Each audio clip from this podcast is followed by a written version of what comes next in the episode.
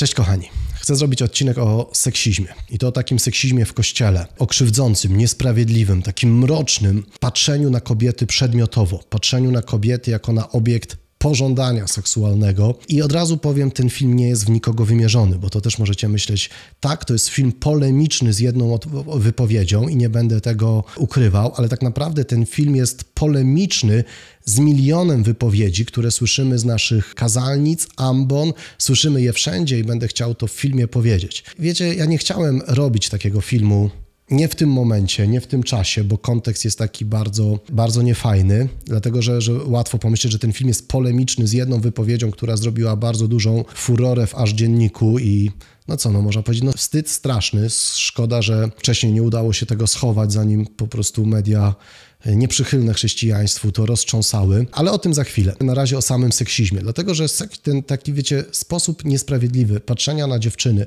jako na obiekt pożądania, czyli uprzedmiotowienia też ich w tym sensie, to, to nie jest wina jednej wypowiedzi. To nie jest wina jednego młodego człowieka, który niefortunnie sformułował pewne myśli. To jest wina, wiecie, nas wszystkich. To jest powietrze, którym oddychamy. I dlaczego teraz ten film rzucam do sieci? Dlatego, że dzisiaj rano zadzwoniła do mnie, w zasadzie nie zadzwoniła, nagrała mi na Messengerze jedna kobieta, jedna dziewczyna swoją opowieść i mówi dwa razy po prostu, zdarzyło mi się coś takiego, że, że chcę ci o tym opowiedzieć, bo to bardzo bolało. Wiecie, moja skrzynka mailowa jest teraz pełna Pisze do mnie bardzo dużo osób. Piszą osoby molestowane, wykorzystywane, skrzywdzone i na które próbowano przerzucić winę typu sprowokowałaś i tak dalej. To są rozdzierające serce historie, ale ja chcę wam opowiedzieć historię, która wydaje się, że jest taka banalna, ale tak wiecie, właśnie w tym jak poczujemy ją, to zobaczymy jak wiele krzywdy sobie robimy, nawet nie wiedząc, że się krzywdzimy. I w tym sensie jesteśmy winni wszyscy temu powietrzu, którym oddychamy, które jest zatrute, które jest po prostu seksistowskie, porządliwe, niedobre, ale to nie znaczy, że my musimy sankcjonować jego obecność.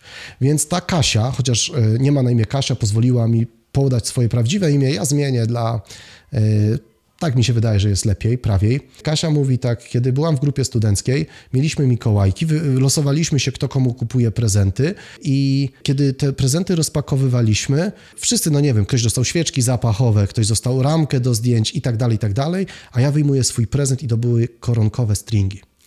I to było upokarzające. I teraz wiecie, żeby możesz sobie pomyśleć, a nic takiego, takiego, bo od teraz Kasia ma prawie 40 lat, ma, ma swoje dzieci, które wychowuje, jest zaangażowaną w kościele dojrzałą y, liderką, mądrą, ale kiedy to mówiła, to ciągle, wiecie, w niej płakało. Ona, jej się łamał głos i ona mówi, za chwilę idę do lekarza, a nie chcę wejść zapłakana. Więc to wspomnienie sprzed prawie 20 lat ciągle żyło, dlatego że ona została upokorzona na tle tej stałej studenckiej grupy i gdzie to było? W kościele. Głupi żart, który nigdy nie powinien się wydarzyć.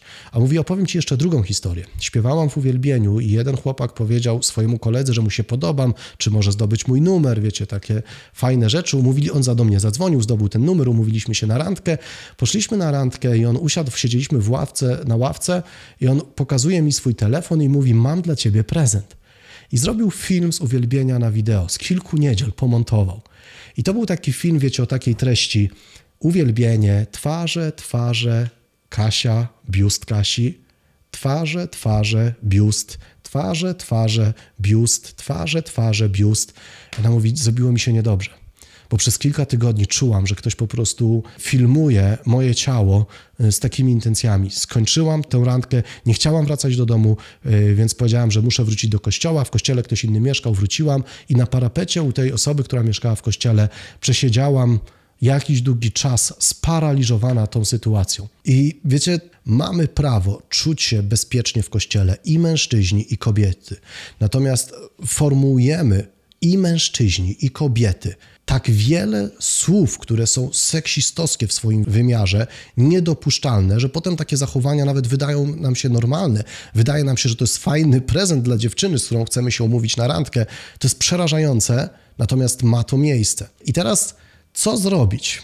Jeszcze zanim zacznę mówić, na czym sama polega istota problemu, bo chcę opowiedzieć o istocie problemu, bo mam wrażenie, że wielu z nas kompletnie tego nie rozumie i myślę, że ja 10-15 lat temu kompletnie tego nie rozumiałem. E, na czym polega to uprzedmiotowienie w postrzeganiu kobiet, dramat polega na tym, że to uprzedmiotowienie jest wszędzie w naszej kulturze, w świecie, w którym żyjemy, w powietrzu, którym oddychamy, natomiast w kościele nie wiadomo z jakich powodów usiłujemy to uprzedmiotowienie usankcjonować i nadać mu Boży charakter. Ludzie, nie wierzę, że to mówię, ale, ale tak to funkcjonuje i uważamy, że to jest prawe, skromne i wstydliwe. Nie, to jest obrzydliwe. To nie jest prawe, skromne i wstydliwe, to jest obrzydliwe.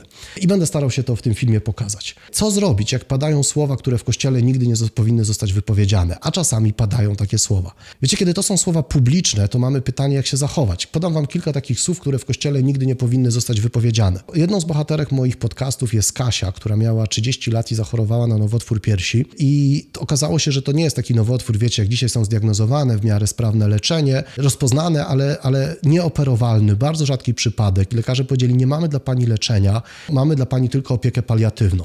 I ona pobiegła, wiecie, złamana przez tą sytuację do, do kościoła, do spowiedzi i źle trafiła. To nie jest, wiecie, wina, że pobiegła w złe miejsce. Ona pobiegła tam, gdzie szukała pomocy, natomiast jej historia jest taka, że trafiła akurat w bardzo, źle trafiła, do bardzo złego konfesjonału, y, źle zasiedlonego. I ona mówi, i usłyszałam tam coś takiego, takie z, z triumfem w głosie wręcz mama dwójki dzieci, trzyletniej dziewczynki, rocznego chłopca, która właśnie się dowiedziała, że nie ma dla niej leczenia, że jest, że jest tak chora i tylko lekarze mają dla niej opiekę paliatywną, a on mówi z triumfem w głosie, a może Bóg chce w ten sposób złamać twoje harde kolana? Takich rzeczy nigdy nie powinniśmy usłyszeć w kościele. To jest niedopuszczalne. Kiedy y, bracia Sekielscy nakręcili wstrząsające naszym społeczeństwem filmy, jeden z hierarchów powiedział: Dziecko się tuli i wciąga dorosłego w pokuszenie niedopuszczalne słowa nigdy nie powinny zostać powiedziane w kościele. Kiedy prze, przetoczyła się fala agresji wobec środowiska LGBT i pojawiły się te takie, wiecie, wklepki, strefa wolna od LGBT i tak dalej, jeden z hierarchów powiedział, inny, o tęczowej zarazie. Wiecie, dla chrześcijanina żaden człowiek nie jest zarazą i żaden nie powinien być nazywany zarazą, zwłaszcza w kościele. Możemy to pokrętnie tłumaczyć, że nie chodzi o człowieka, chodzi o ideologię i tak dalej, i tak dalej. Wiemy, jakie zranienia to spowodowało. Ludzie to nie ideologia. I teraz wracam do pytania, co zrobić, jeśli w kościele słyszymy słowa, które w kościele nigdy nie powinny zostać by wypowiedziane? Moim skromnym zdaniem uważam, że milczenie jest wtedy grzechem zaniedbania. Kiedy w kościele zostają powiedziane słowa, które nigdy nie powinny być w kościele powiedziane, to ludzie kościoła mają obowiązek powiedzieć: To nie jest Ewangelia. To jest krzywdzące, to jest raniące. Stajemy z wami ramię w ramię, bo to nie jest Ewangelia bo to nie jest Ewangelia. Dlaczego to mówię? Mówię to tym wszystkim osobom, które mówią: Michał, zajmujesz głos w dyskusji, w której nie powinieneś mówić. Wiecie, kiedy patrzymy na inne środowisko wyznaniowe, i te moje trzy przykłady były z innego środowiska, to wtedy wszyscy mówimy: tak, milczeć wtedy nie wolno. Natomiast kiedy w naszym środowisku dzieją się rzeczy, które, tak jak wspomnianą Kasię z początku, po prostu ranią i rozwalają, a są powiedziane w kościele, wtedy obowiązkiem ludzi kościoła jest powiedzieć: to nie jest Ewangelia. Wszystkie seksistowskie wypowiedzi, krzywdzące ciebie wypowiedzi nigdy w kościele nie powinny zostać wypowiedziane. No i teraz wracam do tego, które, które z tych wypowiedzi są takie niesprawiedliwe i krzywdzące. Wypowiedź, która rozpętała tę burzę i trafiła na łamy aż dziennika. I znowu, dlaczego robię to publicznie? Dlaczego robię to w internecie? Nie ja rozlałem to mleko. To mleko w zasadzie przez dwa tygodnie wielu życzliwych i wrażliwych chrześcijan swoimi komentarzami chciało powiedzieć, to mleko powinno zostać posprzątane. Ono się rozlało, niedobrze, że się rozlało, ono rani wrażliwych chrześcijan, natomiast dobrze by było, żeby zniknęło jak najszybciej. Ono nie zniknęło po tych komentarzach, zniknęły komentarze, natomiast potem zajął się tym aż dziennik. I tak jak wcześniej byliśmy tymi tą wypowiedzią, jedną wypowiedzią Jakuba, wszyscy byliśmy tak bardzo zranieni, ci, którzy byli zranieni, byliśmy zranieni, to teraz jesteśmy tą wypowiedzią zranieni i ośmieszeni. Bo najbardziej gorzka puenta w aż dzienniku to jest ostatnie zdanie tego artykułu, który przekopiował tę niefortunną 13-minutową wypowiedź. I to zdanie brzmi: chociaż to jest aż dziennik, to wszystkie cytaty są prawdziwe. Ludzie, co za wstyd dla, no, dla ewangelikalnych chrześcijan że ktoś może tą wypowiedź skojarzyć i pomyśleć, że, że, że takie właśnie jest chrześcijaństwo. Takie nie jest chrześcijaństwo, nie jest opresyjne, nie jest agresywne, nie jest seksistowskie, chociaż czasami w kościele dostaniemy koronkowe stringi i Kasia, bardzo mi przykro, że takie coś ciebie spotkało i bardzo mi przykro, że po 20 latach ciebie coś takiego boli, bo to było upokarzające, niesprawiedliwe i chamskie. Wracam do tego. Wiecie, ja kiedy przeczytałem to, usłyszałem tą wypowiedź po dwóch tygodniach, jak już wisiała w sieci, bo znowu wstrząśnięta dziewczyna powiedziała, no Michał, to mnie rani, nie wierzę, że taki jest Kościół. Kiedy usłyszałem tę rozmowę, ja nie, nie mogłem się pozbierać. Rzecz jasna, zadzwoniłem do, do, do, Jakuba tylko z prośbą, żeby, bo nie mam prawa mówić, czy ona jest dobra, czy zła, tylko mówię, ona rani, po prostu rani. To, to jak się czujemy, to jest nieważne, co, jakie była intencja na przykład tego, kto obdarował koronkowymi majtkami dziewczynę na forum całej grupy, to zraniło, nie? Choćby jego intencje były najszer, najszersze, to owoce były zgniłe. I tak samo ta wypowiedź rani. Natomiast potem cały piątek po tej rozmowie, gdzie, gdzie, gdzie próbowałem powiedzieć, to rani, to po prostu nie, nie oceniam, nie, nie powinno to przekreślać. Szkoda, żeby to zranienie rzutowało naprawdę na służbę, która w wielu aspektach jest ponadprzeciętna, ale rani, ta jedna wypowiedź rani. Nie mogłem się z tym pozbierać. Zadzwoniłem też, rozmawiałem z tym ze swoim znajomym, który jest, mówię, jest z innego środowiska, jest, jest duchownym katolickim, więc mówię, z innego środowiska, może on będzie miał jakiś taki dystans. I teraz uwaga, Chcę powiedzieć, seksizm jest wspólny, jest uniwersalny, jest wszędzie, tylko niektórzy wyciągamy z tego wnioski, bo on mówi tak, no masz rację, czasami ja też nieraz przychodzą dziewczyny, rozpoczyna się, ma tam się rozpocząć jakieś majowe, czerwcowe i mówię, jak wyście się ubrały, przecież ja mam się za chwilę modlić. I ja mówię, no właśnie, tylko wiecie, ten mój znajomy się nie obraził, tylko powiedział: No, masz rację, musimy to zobaczyć. Bo on się nie obraził, tylko rzeczywiście był gotowy zmienić perspektywę, kiedy ja mu powiedziałem: Ale spójrz na to z drugiej strony. Wyobraź sobie, że to nie jest, wiesz, 18-letnia dziewczyna, która mogłaby być twoją córką albo wnuczką i ty jej mówisz, weź się inaczej ubierz, bo się nie mogę spotkać, na, kupić na modlitwie, ale do tej samej parafii, czy do protestanckiego kościoła przyjeżdża, nie wiem, grupa generacji T, młodzi chłopacy albo pielgrzymka rowerowa, cokolwiek, oni jadą na rowerach, więc są w takich kolarskich leginsach, wchodzą i wita ich, nie wiem, trzy razy starsza y, zakonnica albo trzy razy starsza żona pastora i mówi, ale chłopcy, nie, nie, nie wejdziecie tak, nie poczęstuję was tak herbatą, nie wejdziecie tak do kościoła się pomodlić, bo y, ja się podniecam, jak na was patrzę. Wiecie, oni by byli oburzeni, ci chłopacy by byli oburzeni, by powiedzieli, ty mogłabyś być moją babcią, nie chcę, żebyś tak na mnie patrzyła. Nie życzę sobie tego, żebyś patrzyła na mnie w ten sposób. I wtedy doskonale to rozumiemy. Nie wolno tak patrzeć na drugiego człowieka, natomiast z jakiegoś powodu myślimy, że starszy pastor z zakazalnicy ma prawo młodym dziewczynom takie uwagi zwracać.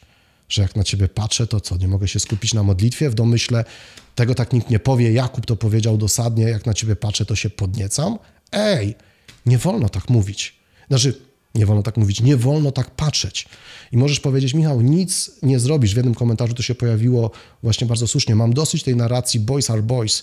Tacy po prostu jesteśmy. Nie, my tacy nie jesteśmy. Ewangelia w cytowanym fragmencie, w Ewangelii Mateusza, gdzie Jezus mówi o porządliwości, mówi, nie macie tacy być. To jest uprzedmiotowiające, to jest podłe, nie wolno tak patrzeć. I dopiero jak zmienimy płcie, to widzimy problem spotyka się rada pedagogiczna w jakiejś szkole i dyskutują o ubraniach uczniów. To jest ok, że dyskutują. Jakaś szkoła może mieć myślenie, chcemy mieć tam chłopców w mundurkach, żeby wyglądali jak angielscy dżentelmeni, dziewczynki po prostu w spódnicach, żeby wyglądały jak angielskie księżniczki albo damy dworu, albo cokolwiek.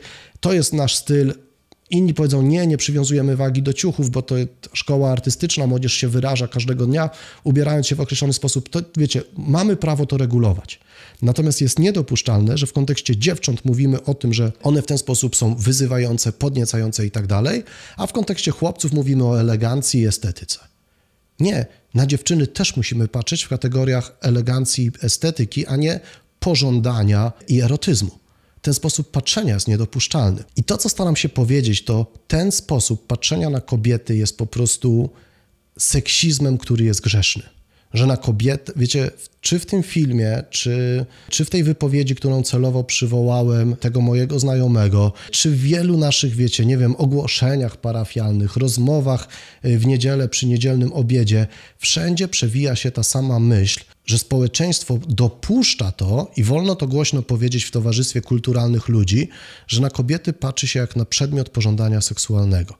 Czyli w szkole nauczyciel może wypowiedzieć się na temat stroju dziewczyn właśnie w takich kategoriach, że to jest niestosowne, erotyzujące, ale czujemy pewien zgrzyt, kiedy nauczycielka matematyki by powiedziała do ucznia, wiesz, masz opiętą koszulkę, obcisłe spodnie. Mnie to strasznie podnieca i nie mogę się skupić na sinusie i kosinusie w czasie lekcji.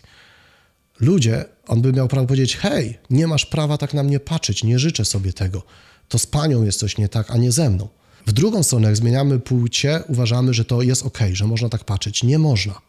Nie wolno tak patrzeć. I dlatego Jezus w tej wypowiedzi nieszczęśliwie niezakończonej z Ewangelii Mateusza z 5 rozdziału, 27-29 werset mówi, rzeczywiście, jeżeli facet patrzy na kobietę i fantazjuje z nią w swojej głowie i wyobraża sobie cokolwiek, to popełnia z nią cudzołóstwo, rada, jeśli nie umiesz patrzeć inaczej, wydób sobie oczy. Koniec, kropka. Oczywiście w komentarzach niektórzy z Was napisali, Michał, ale są teksty o skromnym ubiorze i tak dalej, i tak dalej. Wiecie, niektórzy nawet cytowali te teksty. Ja sobie myślę, Wy naprawdę myślicie, że ja tych tekstów nie znam? Problem jest, że kontekst tych wszystkich tekstów o tym, że kobiety mają się ubierać skromnie, nie robić sobie nie wiadomo jakich fryzur, nie ubierać jakich. Dzisiaj byśmy powiedzieli, nie chodźcie w drogich futrach i perłach do kościoła.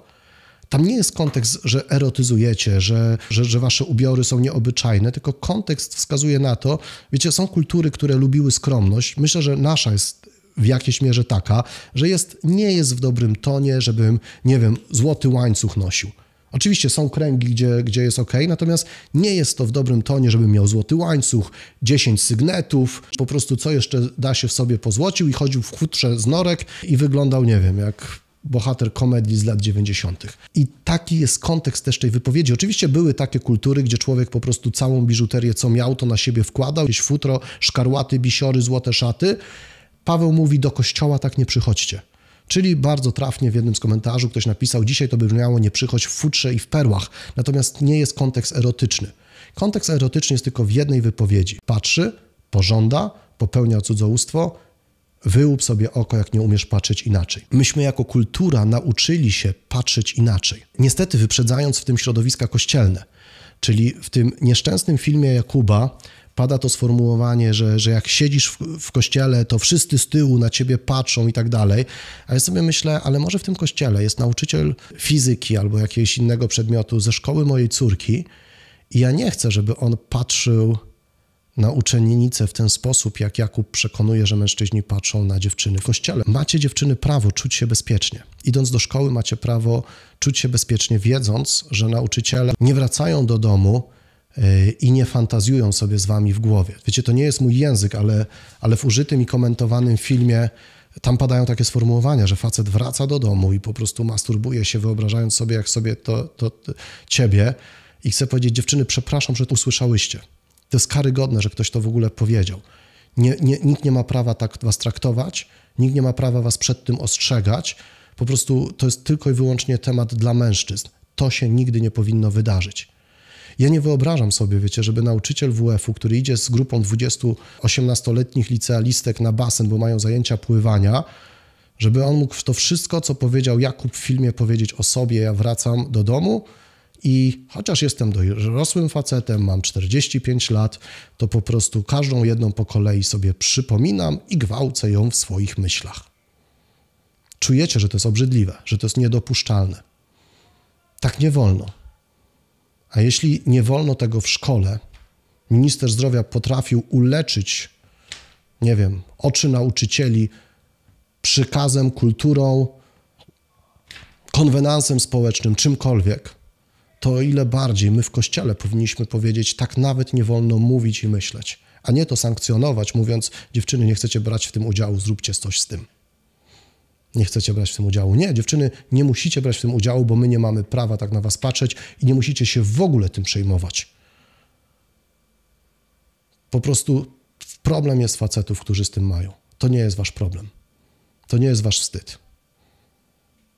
To jest po prostu, ja ma, ma, masz prawo czuć się bezpieczna idąc do szkoły, wiedząc, że ktoś nie będzie po lekcjach fantazjował sobie na twój temat. Masz prawo czuć się bezpieczna idąc do lekarza i nie ginekologa, do lekarza pierwszego kontaktu, który bada twoje gardło, bo masz anginę i on się zbliży do ciebie, wiecie, gdzie normalnie w innych warunkach społecznych to już jest naruszenie strefy kontaktu, będzie nasłuchiwał, zaglądał. Masz prawo czuć, że nie jesteś obiektem prze, przedmiotowego pożądania, tylko jesteś pacjentką, której ktoś okazuje troskę. W jednym, z komentarzy ktoś napisał, jak chcesz tam być zgwałcona, to wyjdź półnaga na ulicę. A ja sobie pomyślałem, jen, na ulicy tego człowieka, który to napisał, może pojawić się półnaga kobieta. I my przynajmniej będziemy wiedzieć, co on z nią zrobi. Ale niech nie nazywa siebie chrześcijaninem. Bo masz prawo czuć się bezpieczna. I to jest ten obrzydliwy seksizm, któremu trzeba wypowiedzieć wojnę, na który nie ma zgody. To nie jest Ewangelia. Dlatego zacząłem ten film od tego pytania, co zrobić, kiedy w kościele zostają powiedziane słowa, które nigdy nie powinny zostać powiedziane. I możesz powiedzieć, jak to on tego nie powiedział. A ja wam chcę powiedzieć, w tej wypowiedzi Jakuba nie ma tych słów. Jakich słów nie ma? Że faceci cię gwałcą w myślach, kiedy albo mają z tobą seks w myślach, albo masturbują się patrząc na ciebie, kiedy wracają do domu? No to właśnie tam pada. Więc jeśli nauczyciel w szkole uważamy, że nie ma prawa w ten sposób myśleć, to tym bardziej faceci w kościele nie mają prawa w ten sposób myśleć. I proponuję wam takie ćwiczenie. Jeżeli uważacie, że te słowa nie są upokarzające, nie są haniebne, nie są niedopuszczalne, to weźcie sobie te słowa z tej wypowiedzi Jakuba, zamiast wszędzie tam, gdzie są faceci, są tacy i owacy. Faceci są tacy i tacy, a kobiety powinny. Zmieńcie tylko ich kontekst i zamiast faceci powiedzcie nauczyciele i wyobraźcie sobie, nie wiem, dorosłego 45-letniego mężczyznę, który jest nauczycielem w szkole, a zamiast kobiety weźcie uczennicę. Dlaczego robię ten zabieg? E, dlatego, że myśmy przyzwyczaili się do tego, że no właśnie, tak jak powiedział mój znajomy, że dojrzały mężczyzna może powiedzieć dziewczynie: ubierz się inaczej, bo ja się nie mogę skupić. I uważamy, że wszystko jest ok, że, że wolno tak na dziewczyny patrzeć i trzeba im powiedzieć, że w ten sposób patrzymy. Nie. To patrzenie jest nie ok, bo jak zmienimy płcie i odwrócimy tę rolę, to rozumiemy oburzenie chłopaków, mam nadzieję, którzy by powiedzieli: Nie masz prawa tak na mnie patrzeć, mogłabyś być moją babcią, nie wolno tobie tak na mnie patrzeć. I teraz musimy zrozumieć, dziewczyny też macie prawo powiedzieć, nie macie prawa tak na nas patrzeć, macie prawo czuć się bezpieczne, a my nie mamy prawa tak na was patrzeć, a nie was informować, ile to razy już was zgwałciliśmy w swoich myślach. To jest niedopuszczalne, to jest krzywdzące, że myślimy, że takie słowa to jest ostrzeżenie. To nie jest ostrzeżenie, to jest po prostu przyzwolenie albo usankcjonowanie, milcząca zgoda na to, żeby w ten sposób patrzeć. Tam pada taki argument, bo to się dzieje latem. Czy naprawdę myślicie, że wskaźniki statystyczne y, masturbacji i myśli i fantazji męskich zimą są niższe, a latem są wyższe, bo latem kobiety y, są bardziej roznegliżowane? Ja nie mam takich danych, ale ja nie sądzę, że wiecie, że jeżeli ktoś bada, jakiś seksuolog, częstotliwość masturbacji mężczyzn, to ona zimą jest niska, a latem wyskakuje w kosmos. Nie wiem. To, to chyba wiedzą tylko seksuologowie i spowiednicy, czy, czy jest zależność stochastyczna. No, chyba czujemy absurdalność tego, że, że jej po prostu nie ma. I teraz wiecie, wyobraźcie sobie, jeżeli ja, ja cały czas tylko tego jednego bronię, jeżeli potrafimy wymagać nieprzedmiotowego patrzenia na kobietę jako na obiekt pożądania w różnych kontekstach, czyli w szkole i w szpitalu, bo wiecie, uważamy, że to byłaby hańba, Gdyby nauczyciel powiedział, wyobraźcie sobie, przychodzi nauczyciel w moim wieku, ja mam 44 lata i przez jakiś czas pracowałem w szkole i mówię, pani dyrektor, proszę mi nie dawać zajęć WF-u z tymi dziewczynami na tym, bo ja potem do domu wracam i cały czas fantazjuję. Ona by powiedziała, panie Michale, pan się nie nadaje do pracy w szkole. A nie by powiedziała, no dobrze, to ja panu zmienię lekcję WF-u na lekcję, nie wiem, lepienia bałwana zimą. Będzie bezpiecznie. Szalik, czapka, rękawiczki. To nie jest ten problem. To jest problem w to, że, że w naszych głowach myślimy, że wolno. Wolno na kobiety patrzeć przedmiotowo. Nie wolno. I wtedy wolno kobietom zwracać takie uwagę. Wiecie, moja skrzynka mailowa jest pełna informacji. Jak dziewczyna pisze na obozie letnim, wyjechałyśmy na obóz razem z chłopakami. Obóz były i nauczyciele, wychowawcy w dobrej wierze. Dziewczynkom kazali chodzić, wiecie, od namiotów do kąpieliska w t-shirtach. A chłopcy glatali w samych slipkach. Dlaczego? Dlatego, że w głowie nauczycieli była ta idea, na dziewczyny wolno patrzeć jak na obiekt pożądania i trzeba je zasłonić. Dziewczyny, macie prawo czuć się bezpiecznie. W domu, w szkole, w pracy, na basenie, latem i zimą, cały czas. I po prostu to, że jest społeczny dopust, żeby patrzeć na was jako na przedmiot pożądania, to, że koledzy z klubu piłkarskiego źle o was mówią, to, że jacyś biznesmeni żartują sobie z kelnerek, to to wszystko jest hańba, a nie dowód na to, że wy się macie ogarnąć. Jesteście ogarnięte. I też macie prawo być atrakcyjne. To też chyba trzeba wyraźnie powiedzieć, bo jakoś mam wrażenie, że, że, że, że w tej krzywdzie zapominamy o podstawowych rzeczach. Więc teraz, jeżeli ktoś mówi, ta wypowiedź nie ma w niej nic złego. Niektórzy z moich znajomych mówią, Michał, w tej wypowiedzi nieliczni, ale są tacy, którzy mówią, Michał, szanuję Twoją pracę w internecie, to co robisz jako vloger, jako podcaster, to co, co, co, co, tutaj wrzucasz. Natomiast w tej wypowiedzi uważam, że nie ma nic drożnego. To chcę powiedzieć, a spróbuj zmienić perspektywę i zobacz, że wszędzie tam, gdzie jest powiedziane mężczyźni, jest powiedziane nauczyciele, a wszędzie tam, gdzie jest powiedziane kobiety, jest powiedziane uczennice, w tym również Twoja córka. I jeśli Twój wniosek będzie, nie chciałbym, żeby moje dziecko chodziło do takiej szkoły, to chcę Ci powiedzieć, to również Twój wniosek powinien być, nie chcę, żeby moje dziecko żyło w takim świecie, gdzie się mówi takie rzeczy. Ja nie chcę, żeby moje dziecko chodziło do takiej szkoły, ale też ja nie chcę tworzyć takimi zdaniami takiego świata dla moich, dla moich dzieci. Drogie uczennice, nie chciałybyście i nie chcecie, aby nasi nauczyciele popełniali cudzołóstwo w swoim sercu z wami w roli głównej. Mam nadzieję, że macie po prostu dreszcz przerażenia, a ja ten film chyba powinienem oznaczyć jako tylko dla dorosłych, kiedy tego słuchacie. A chcę wam powiedzieć, że często tak się dzieje. I potem, że jedna ze sfer, nad którymi nauczyciele w naszej szkole totalnie nie panują, i nie mówię o nauczycielach w innej szkole, tu pada, nie mówię o niewierzących, mówię o wierzących, czyli nie mówię o nauczycielach w jakiejś innej szkole, ale o nauczycielach w naszej szkole, jest to, że mężczyźni, nawet ci z naszej szkoły, mają największy problem ze sferą czystości. I potem jest, chciałbym, żebyście wiedzieli, że jak, dla nauczyciela, jak idzie taka uczennica, roznegliżowana, półnaga, a przecież ona przyszła ubrana normalnie, przyjechała tramwajem, ale dobra, dla kogoś ona jest półnaga, to chcę, żebyście wiedziały, że my jako nauczyciele mamy ogromny problem ze swoimi myślami. Potem się już zaczynają te wszystkie opisy. Wiecie, jestem zażenowany, że to czytam. Kiedy nauczyciel widzi wasz, wasze piękne uczennice i widzi wasze piękne nogi, wasze ramiona, wasze bioderka, już czujemy, że żaden nauczyciel nie powinien tego powiedzieć, żaden facet nie powinien tego powiedzieć, żaden facet, który serio traktuje Ewangelię, nie powinien tego mówić w ten sposób i jesteście częścią gwałtu z wami w roli głównej i nawet o tym nie wiecie. Uwierzcie, że nie chcecie być tego częścią. Wiecie, i to się tak toczy i toczy. Ja naprawdę chcę was ochraniać. Nie chcecie brać udziału w cudzołóstwie niektórych nauczycieli z naszej szkoły. Więc wiecie, jak zmienimy, myślę, że, że, że, że czujemy, jak przerażająca jest ta wypowiedź, kiedy zmienimy jej kontekst i zamiast faceci powiemy nauczyciele, zamiast dziewczyny, kobiety powiemy E, uczennice, ale dlaczego czujemy przerażenie? Przerażenie czujemy dlatego, że wiemy, że w pewnym kontekście nie wolno patrzeć na kobiety w sposób porządliwy.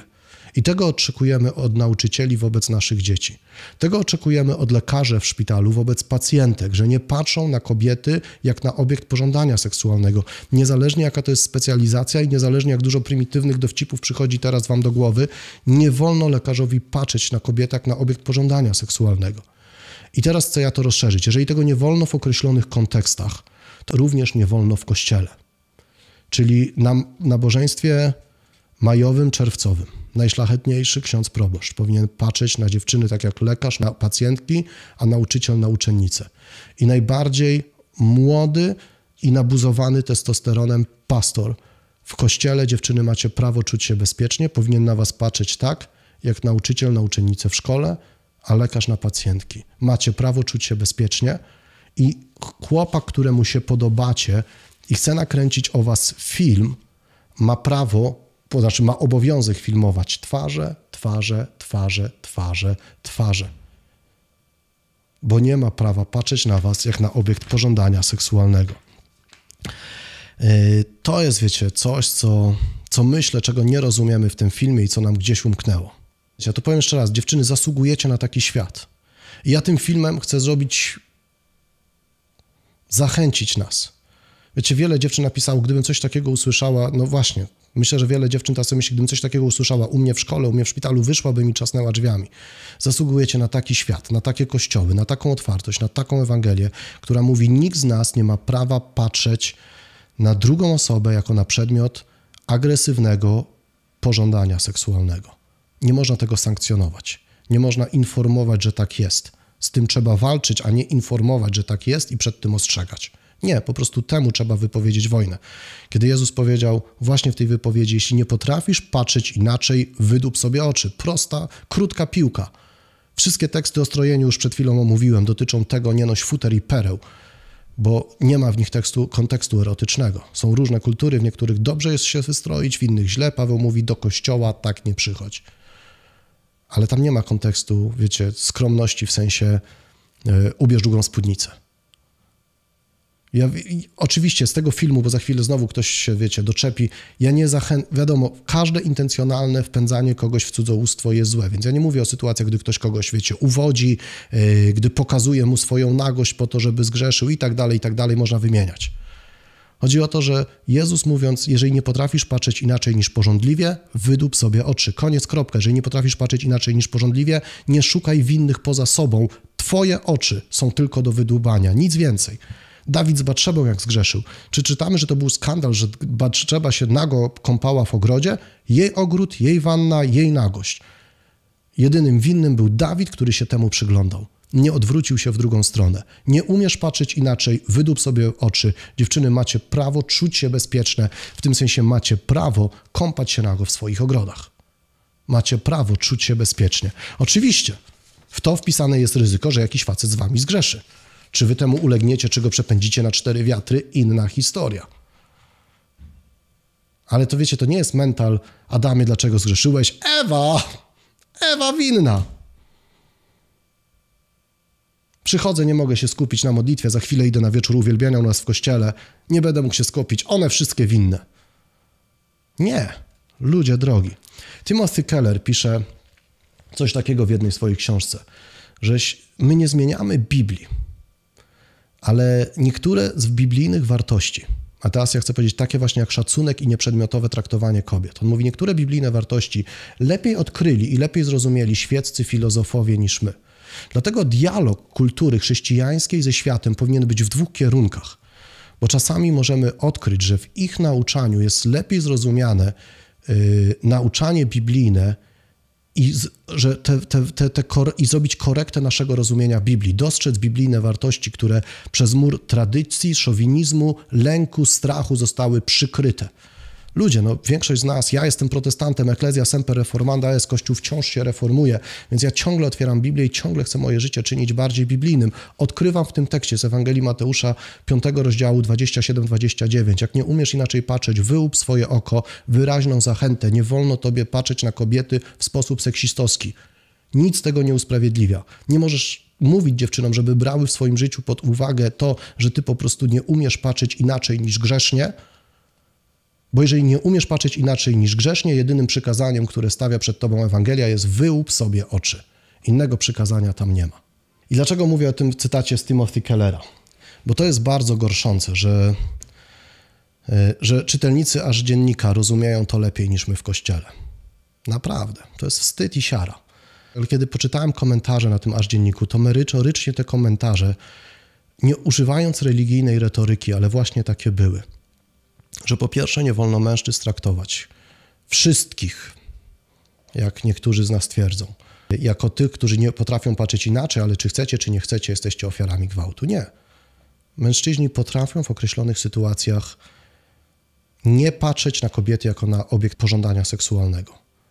Ja podałem tylko dwa przykłady: szkołę, szpital, ale ale faceci ze zdrową seksualnością w ogóle potrafią patrzeć na kobiety takim spojrzeniem, jakim uczył nas Jezus, nie jako przedmiot pożądania. Przykre jest to, że potrafią to faceci poza kościołem i uważają, że tak jest prawie, tak jest słusznie, tak jest dobrze, a wielu facetów z kościoła powiedziało: No, wreszcie ktoś powiedział to, co inni się bali powiedzieć. Nie. Ktoś wreszcie powiedział to, co jest wstyd powiedzieć, co przynosi wstyd i ujmę Ewangelii co przynosi naprawdę wstyd i ujmę ewangelicznemu chrześcijaństwu. Takie myślenie, tacy jesteśmy, dziewczyny, weźcie coś z tym zróbcie. Nie zasługujecie, dziewczyny, naprawdę, żeby być w ten sposób traktowane. Wiem, że niektóre z Was pisały, ale ja nie czułam się tym zgorszona, nie czułam się źle potraktowana. No cóż, no, no, no powiem, no, to jest powietrze, którym oddychamy. To nie jest wina tego, tej jednej wypowiedzi, tego jednego młodego chrześcijańskiego mówcy. To nie jest wina wielu wypowiedzi, które może i ja sam nieraz i nieopatrznie sformułowałem w ten sposób, taki obrzydliwie seksistowski. Od kilku lat chyba to widzę, że to jest po prostu niegodne, że to jest złe. To nie powinno być miejsca, a dziewczyny zasługujecie na to, żeby czuć się bezpiecznie w każdej jednej sytuacji i wiedzieć, że nikt was nie rozbiera oczyma. Jeszcze jedna rzecz wymaga do powiedzenia. To jest tylko jedna wypowiedź. To powtarzam od, od tygodnia, bo od tygodnia, jeszcze nie ma tygodnia, jak wiem o tej sprawie. To jest tylko jedna wypowiedź i was proszę, błagam, zaklinam jak mogę, stop hejtowi. Jeżeli nawet Jakubowi zdarzyło się powiedzieć myśl, którą teraz miażdżę, ja wiem, że tym filmem ją miażdżę, to chcę powiedzieć z całą stanowczością, nie miażdżę służby Jakuba. Tej służbie należy się szacunek. Wiem, że niektórym z was to się nie podoba, bo wykorzystaliście po prostu tą jedną niefortunną odpowiedź jako okazję do hejtu, do wylewania na niego połym, do dyskredytowania wszystkiego, co innego robi. Chcę powiedzieć nie. Możemy się zgadzać, nie zgadzać, natomiast jest nad tym człowiekiem po, ponadprzeciętne obdarowanie. Y, to, co robi, to potrafi zrobić rzeczy, których większość z nas nie potrafi zrobić. Ma pasję, która wielu chrześcijanom imponuje, pociąga i zachęca do jeszcze gorliwszego, jeszcze bardziej entuzjastycznego życia z Bogiem. Super ekstra. To wymaga wsparcia, to wymaga kibicowania. Chcę tylko powiedzieć, że skandal wywołany w tym aż dzienniku, bo wiecie, takie filmy jak mój nie wywołują skandalu. Skandal już się wydarzył, już świeckie media sobie zrobiły z tego zwałę. Już, już, wiecie, już kto miał się śmiać z nas, to się śmieje. Natomiast chcę powiedzieć, takie filmy teraz pozwalają wprowadzić korektę, bo jeśli ta służba ma rosnąć i się rozwijać, to lepiej nie brać w dalszą podróż takiej dawki niefortunnych wypowiedzi. Lepiej tą jedną rzecz się po prostu potknąć, wziąć z niej wnioski i pójść dalej. Kiedy zadzwoniłem do Jakuba, kiedy, kiedy, kiedy napisałem do niego list, jeżeli Jakub zechce upublicznić ten list, to, to super, z mojej strony jak najbardziej, ale ja napisałem do niego, jest zapewnienie o tym, że chcę wspierać jego służbę, że ja kibicuję jego wzrostowi, że takie filmy jak ten, takie wypowiedzi jak ten nie mają dyskredytować tego, co on robi, kim on jest i jak on służy, bo to, co robi, jest ponadprzeciętne.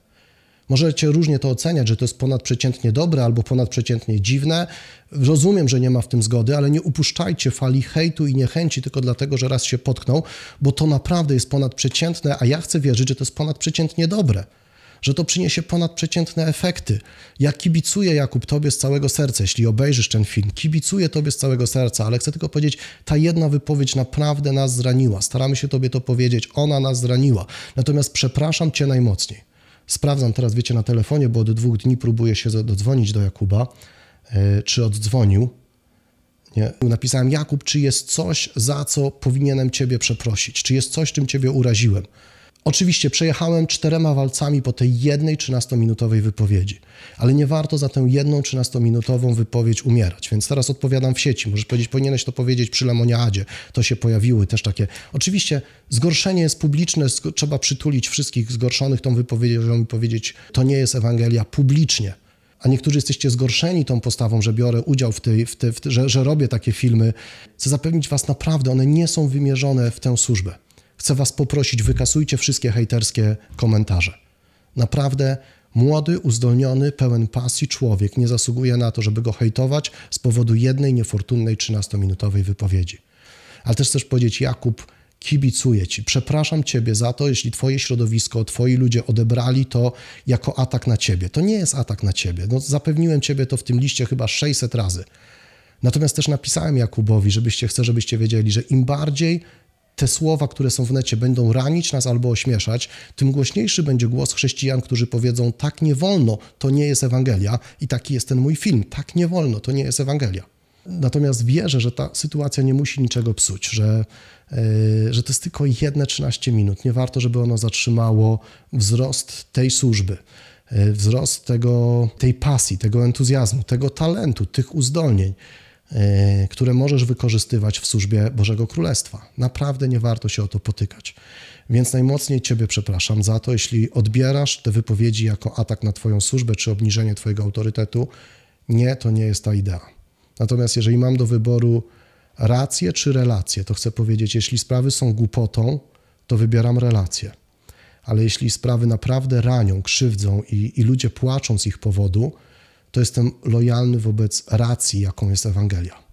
Wobec racji, którą jest Ewangelia, a w tym przypadku uważam, że tak jest, że nie wolno milczeć, bo to milczenie rozdziera serducho tym, którzy czują się skrzywdzeni tą wypowiedzią.